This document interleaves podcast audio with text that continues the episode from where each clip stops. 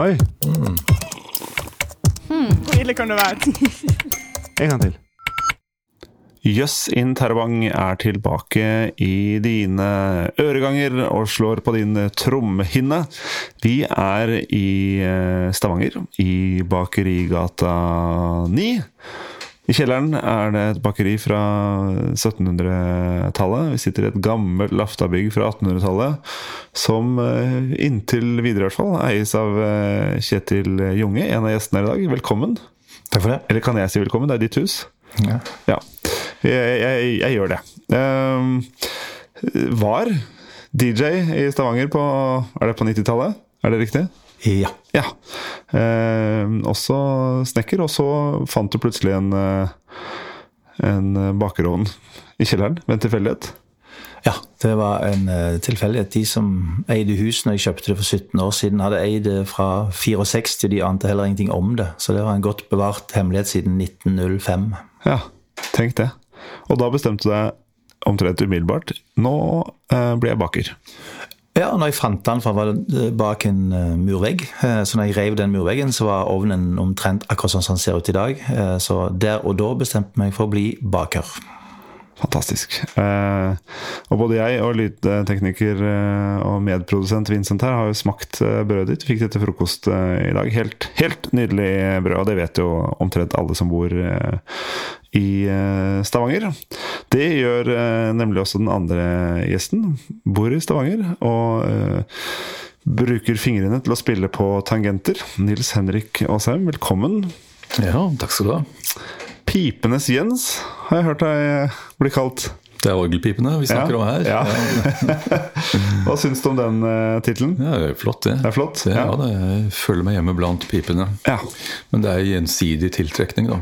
Det er like mye jeg som blir tiltrukket. ikke sant? Ja. Ja. Organist, komponist, musiker med mange Du har mange forgreininger på musikerlivet ditt. Ja, eh, jeg har visst det. Ja. Spriker i mange retninger, men jeg prøver å få en sammenheng i det også. Når ble du fanget av pipene? Det var når jeg var sånn 14-15 år og fikk en nøkkel til en kirke. Jeg hadde liksom gått forbi et orgel mange ganger, spilt, uh, akkompagnert et kor. Man spiller piano, ikke sant? og så er det bruk for det her og der. Og så ja, så kan du bruke dette orgelet, og så fikk jeg den nøkkelen. og Da kan du sitte på ettermiddagene og leke deg på det store instrumentet, og fra da av så var det gjort. Ja. For eh, Orgel slår meg som litt sånn høyterskel.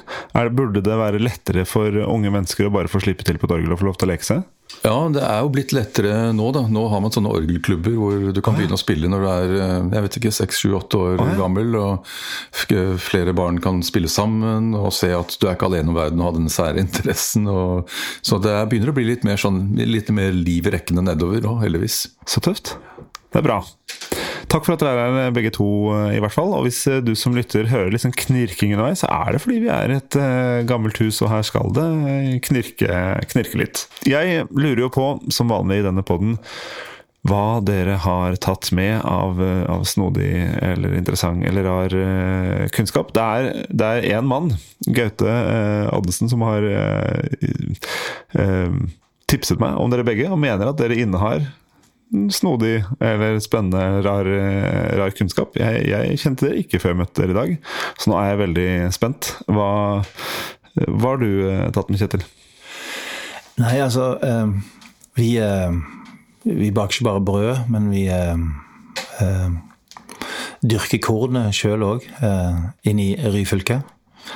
Eh, og der eh, dyrker vi på akkurat samme måten som finnene gjorde for 300 år siden. Og det vil si at vi klarer å få eh, Ut av ett såkorn så får jeg eh, 5000 nye med å bruke tid og sauer. Hæ? Oi! Ett korn blir til 15 000 5000. 5000 med hjelp av uh, hmm, tid og sauer. Ja. Jeg, denne, dette frister meg i hvert fall. Jeg vil høre mer, men eh, vi eh, skal først til Nils Henrik. Hva kan du friste med? Jeg eh, skal fortelle deg om en orgelbygger som klarte å bygge datidens største pipeorgel rundt seks svære vinduer. Aha.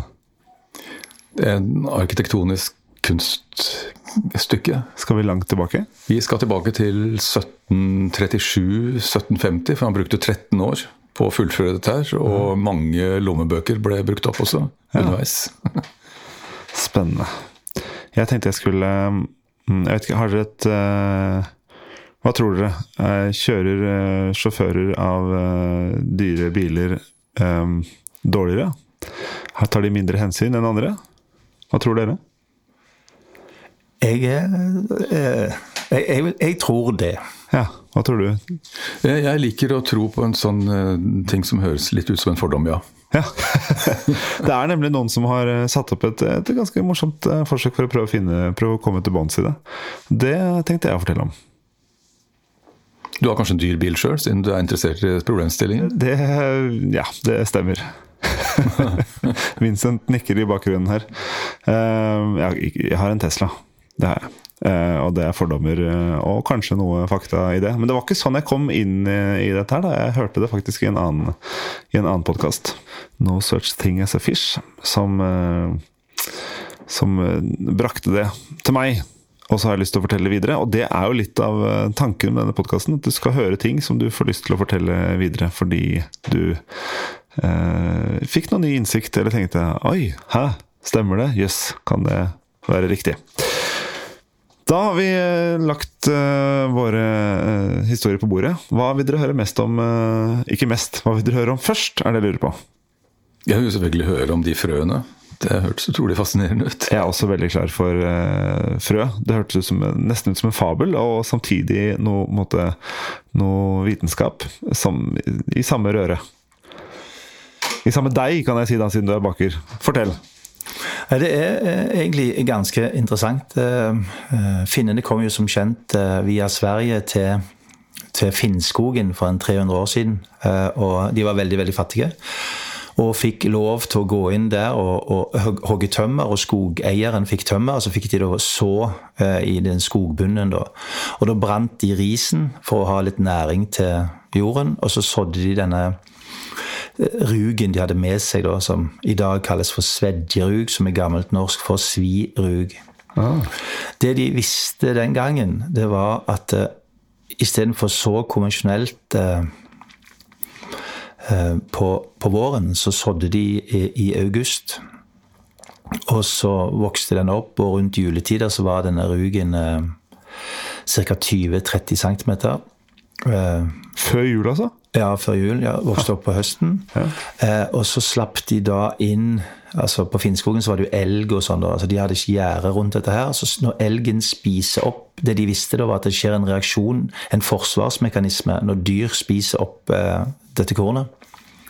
Så da busker det seg under bakken, så hvert såkorn du sår, blir mellom 30 og 50, 60, 70 nye skudd under bakken. Så legger seg i dvale og vokser opp som vanlig til våren, da, når snøen har gått. Og dette er en meget spesiell eh, rug. Den blir en 2,70 meter høy. Oi. Og hvert aks har en oppimot eh, 96, iallfall det som vi dyrker, 96 korn. da. Så hvis du ganger det da med et snitt på 50 nye, så blir det 5000 per såkorn vi sår.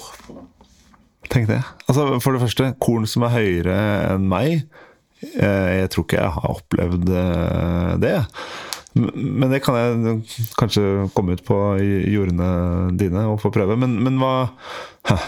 Dette er jo korn som eh, eh, altså ble funnet i 1970. Eh, og det er helt uberørt av mennesker. Det er ikke gjort noe med det. bare, det bare liksom de genene der som vi dyrker her i Ryfylke. da. Eh, Men hvordan altså, det ble funnet i 1970? ja, eh, 15 korn. De 15 kornene som er utgangspunktet, og det har du liksom skjøttet? sånn at du har... Nei, eh, det var en fyr i 1970 som fant de en eh, koie nede i en myr. Og så tok han de med hjem, så sådde han de, så var fem av de 15 spirte. Og det er av den eh, generasjonen, eller av den eh, familien, da, eh, som jeg har fått. Så jeg har brukt kornet en stund, og så da min mor var nede i bakeriet, og så så hun på sekken, og dette er jo sånn mel som er så veldig dyrt at det står navnet på både bonden og, og åkeren, akkurat som i en vinflaske. Ja, ja, ja. Og så hadde hun da tilfeldigvis gått på skole med faren til bonden. Så da hadde jeg eh, noe å henge det på, så da ringte jeg han og sa jeg hadde fått tak i den aller beste gården i Ryfylke, og jeg var interessert i såkorn. Så da kom han på Sola flyplass med to kofferter med 40 kilo med såkorn til meg. Som er eh, stammer fra disse første 15 ja, korna. ja. Fra, fra fem av de 15, da, fra de fem som overlevde, Ja, det. det stammer det 40 kilo sekker som du har fått. Og så har sikkert andre fått 40 kilo her og der også. Ja, da, Dette er jo liksom, gir jo veldig håp for at menneskeheten etter Armageddon. Liksom, at man har med seg fem frø og så i en bunkers. Og, Frø, Frøbanken på Svalbard har du. Ja. Nemlig. Men hemmeligheten her da var jo å, å la det bli eh, tygd ned før vinteren. For ellers er det ikke sikkert de fem kornene hadde blitt til så mye nytt. Nei, det er det som er den, den hemmeligheten finnene hadde med seg. da. Den buskingen der som gjorde at de fikk noen fantastiske avlinger da, av det lille de hadde. De, de planta jo ett og ett korn, da. Sånn som når jeg sår, så har jeg med meg en felespiller som spiller, sånn at jeg kan kaste i takt. Ja. Har du det? ja. Og så har du, du har funnet en åker med Rogalands eneste elg òg, antagelig for å spise dette. Vi, eh, på Finnøy så er det mye sau. Ah, ja. Det er lite elg på Finnøy. Det er hjort og sau. Ja, ja. Men det busker seg fortsatt, selv om det er sauetenner som tygger ikke Ja, ja, ja. Det er ikke det. Det, det er bare den forsvarsmekanismen som setter i sving når det blir kuttet på, på Ja. overflaten. Ja. Kornet diskriminerer ikke på, på art. Det er godt å vite. Dette var eh, Men tradisjonen er dette med å så med felespillere, det har jeg faktisk ikke hørt om, men det høres ut som det kan være en greie. Altså at Dette er noe du har plukket opp, at noen, noen man brukte felespillere sånn for å komme i riktig takt. Ja, det var for du skal uh, kaste jevnt. Du går i samme takt. Du går i takt og kaster i takt. Ja. Ja, Så det var van, vanlig Ja. tidligere. Ja, så var det jo Felespillerne kunne få seg noe å gjøre på dagtid òg, så de ikke bare satt og drakk. Det er en musiker som snakker. og så er det mer praktisk med fellesspiller enn organist på åkeren. Helt klart. Ja. Tusen takk. Dette var eh, veldig, veldig fascinerende. Jeg vil høre om, eh, om vindus... Uh... Vindusorgelet, ja. Ja. Ja. ja. Det er ikke tre vanlige vinduer eller seks vanlige vinduer vi snakker om her heller. Da. Vi snakker om en enorm klosterkirke uh, fra barokken. Uh, den gangen klostrene hadde, i utgangspunktet hadde mye penger. Da. Det er en av de største kirkene i Syd-Tyskland. Det heter Weingarten. Ja. Og eh, vanligvis så bygger du jo orgel inn til en vegg. ikke sant? Du har f.eks. en ti ganger ti meter vegg, fordi store orgel er store greier. Ja. Men her var den veggen fylt av vinduer, så det lyset skulle slippe inn i kirken. ikke sant? sant? det var ikke bygd for orgel? Da. Det var overhodet ikke bygd for orgel. Eh, Så mellom disse seks vinduene så er det noen søyler. Og det som han Josef Gabler, da, som han het, klarte å bygge, det var eh, at han klarte å sno orgelet opp til disse søylene. Slik at du ser de seks vinduene som fyller omtrent hele veggen. og De lyser gjennom instrumentet. Så det, denne kirken er berømt for eh, det grepet med vinduene som du ser gjennom orgelet. Ja. Men det er masse mer å fortelle om det instrumentet. da. Men Kommer folk da for det, mm, for det visuelle og se lyset skinne gjennom orgelet, eller kommer de fortsatt for å lytte? Er det et godt orgel? er det egentlig lurer på? Ja, det er et godt orgel, men det er også et kan du si, Det er mye forskjellig å si om det, fordi at han Um, av at det måtte bygges så høyt som det måtte, da, så, så måtte han jo gjøre en del mekaniske grep og, som gjorde at det ble veldig tungspilt. Veldig lang avstand fra tangent til pipe, f.eks. Ja. Og veldig vanskelighet med luftforsyningen. Så en del av orgelet som han satte, det var noen som han satte helt opp under taket, f.eks. Det fikk han aldri nok luft opp til. Så der måtte han redusere, redusere antall stemmer. Men det han har gjort med resten av instrumentet, er eh, eh, at han har eh, satset på en veldig kraftig bass, og så har han satset på en enorm mengde piper helt opp i diskanten. Og det som er mellom, det er eh, som vanligvis liksom er hoveddelen av orgelet. Da. Hvis du bygger for en sånn kjempekirke som dette her, så vil du satse på de pipene i det normale registeret. Ja. Men der er det en sånn søte, vakre småstemmer. Men så er det et enormt som sagt, antall eh, piper i diskanten som heter miksturer. Og da kan det på en måte på én tangent være opptil 50 piper som klinger samtidig for å lage den der klangkronen på orgelet. Så det høres ut som et slags sånn vilt englekor som synger. Yes. Så det er hvorfor folk eh, valfarter til, til dette stedet og ser dette orgelet. Det er en av grunnene hvordan det ser ut, hvordan det låter, men så er det en del sånne spesielle artifacts også, da. Som, som, Som- du skjønner som organist, eller som folk Som- flest kan uh, ha glede av?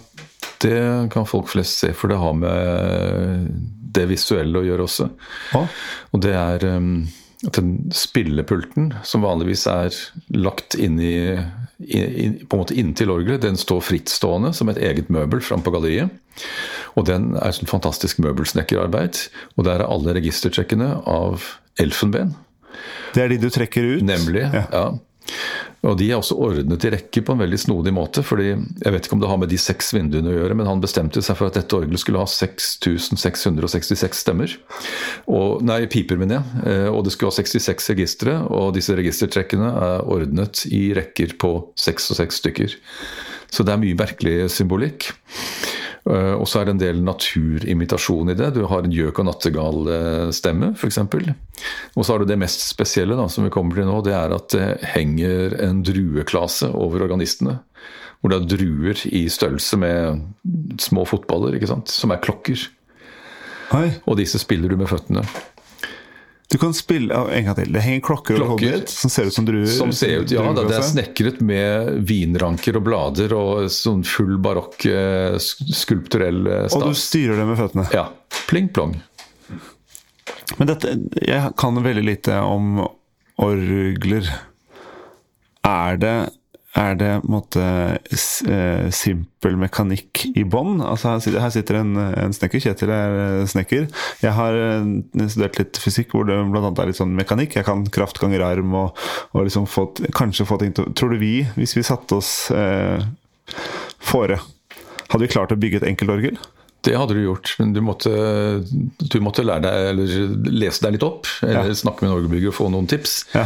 Men, uh, men, nå snakker jeg helt simpelt. Altså Hvis vi bare prøvde ja. å få et som du, du kunne spille, spille Lisa til skolen på. Ja, ja, ja. Da, da, er det enkel teknologi. Uh, det er vektstenger og sånne ting. Og så må du ha luft et eller annet sted fra. Og da er det jo en belg. Pumpe er det enkleste. Pumpe, pumpe ja, ja. Så de, sånn som dette orgelet i Weingarten måtte det sikkert ti mann til for å pumpe. Regner med før de satte strøm på det. Er det det? Står de bak i kulissene? De står bak i kulissene. Hva gjør de? Står de med hendene opp og ned, eller tråkker Nei, de? de, de holder seg med hendene, og så tråkker de opp og ned. De har to pedaler, akkurat som på en spinningtime eller noe, noe sånt. og det gjør de kontinuerlig. Og um, det fins et orgel i Norge hvor du har dette. Kongsberg kirke. Et restaurert barokkorgel. Og der Jeg har spilt konsert der en gang, og da var det to personer som skulle til for ja. å trø det, for det er litt mindre. Da, de droppa sats den kvelden, og så gikk de for å, å trå for deg? Ja da.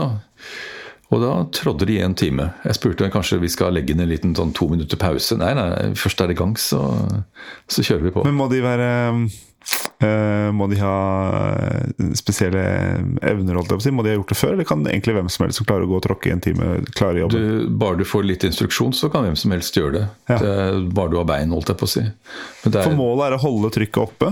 Ja, ja, det er akkurat det det er. Og så er det litt go with the flow, da. For denne, denne pedalen kommer jo opp igjen. Du, du, ja. du, hviler din kroppstynge på det ene beinet, så kommer den opp igjen. Ja. Og så videre. Altså, sånn, det er litt som å svømme eller uh, sykle eller uh, noe sånt. Du må finne den pulsen, da.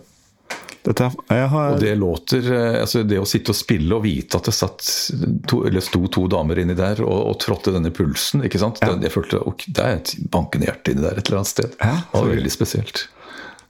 Får lyst til å prøve. Og, og tråkke, tråkke, orgel. Tusen takk. Um, jeg skulle til bilkjøring, jeg, da. Så det blir litt sånn uh, simpelt. Uh, holdt opp mot uh, tradisjonsrik korndyrking og, og, gamle orgel. Men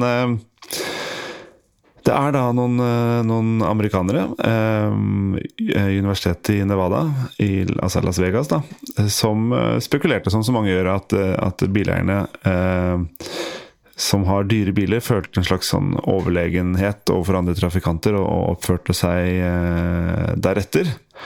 Eh, så de mm, satte opp et um, I denne staten så er du pliktig til å stoppe hvis folk ønsker, viser at de ønsker å gå over eh, veien, fotgjengerfelt.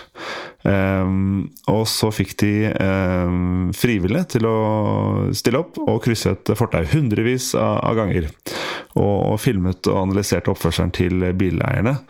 Litt litt tidligere, litt lenger ned i gata, på en måte, så hadde de andre forskere som som eh, sto og registrerte hva slags bil eh, det var, og, og hvor i god stand den var, etter noen sånne litt enkle, enkle kriterier. Um, og av De hadde med 1800, 1892 sjåfører. Um, så var det jo en del som hadde rimelige biler. Mm, Helt ned mot scrap, eller hva du kaller det.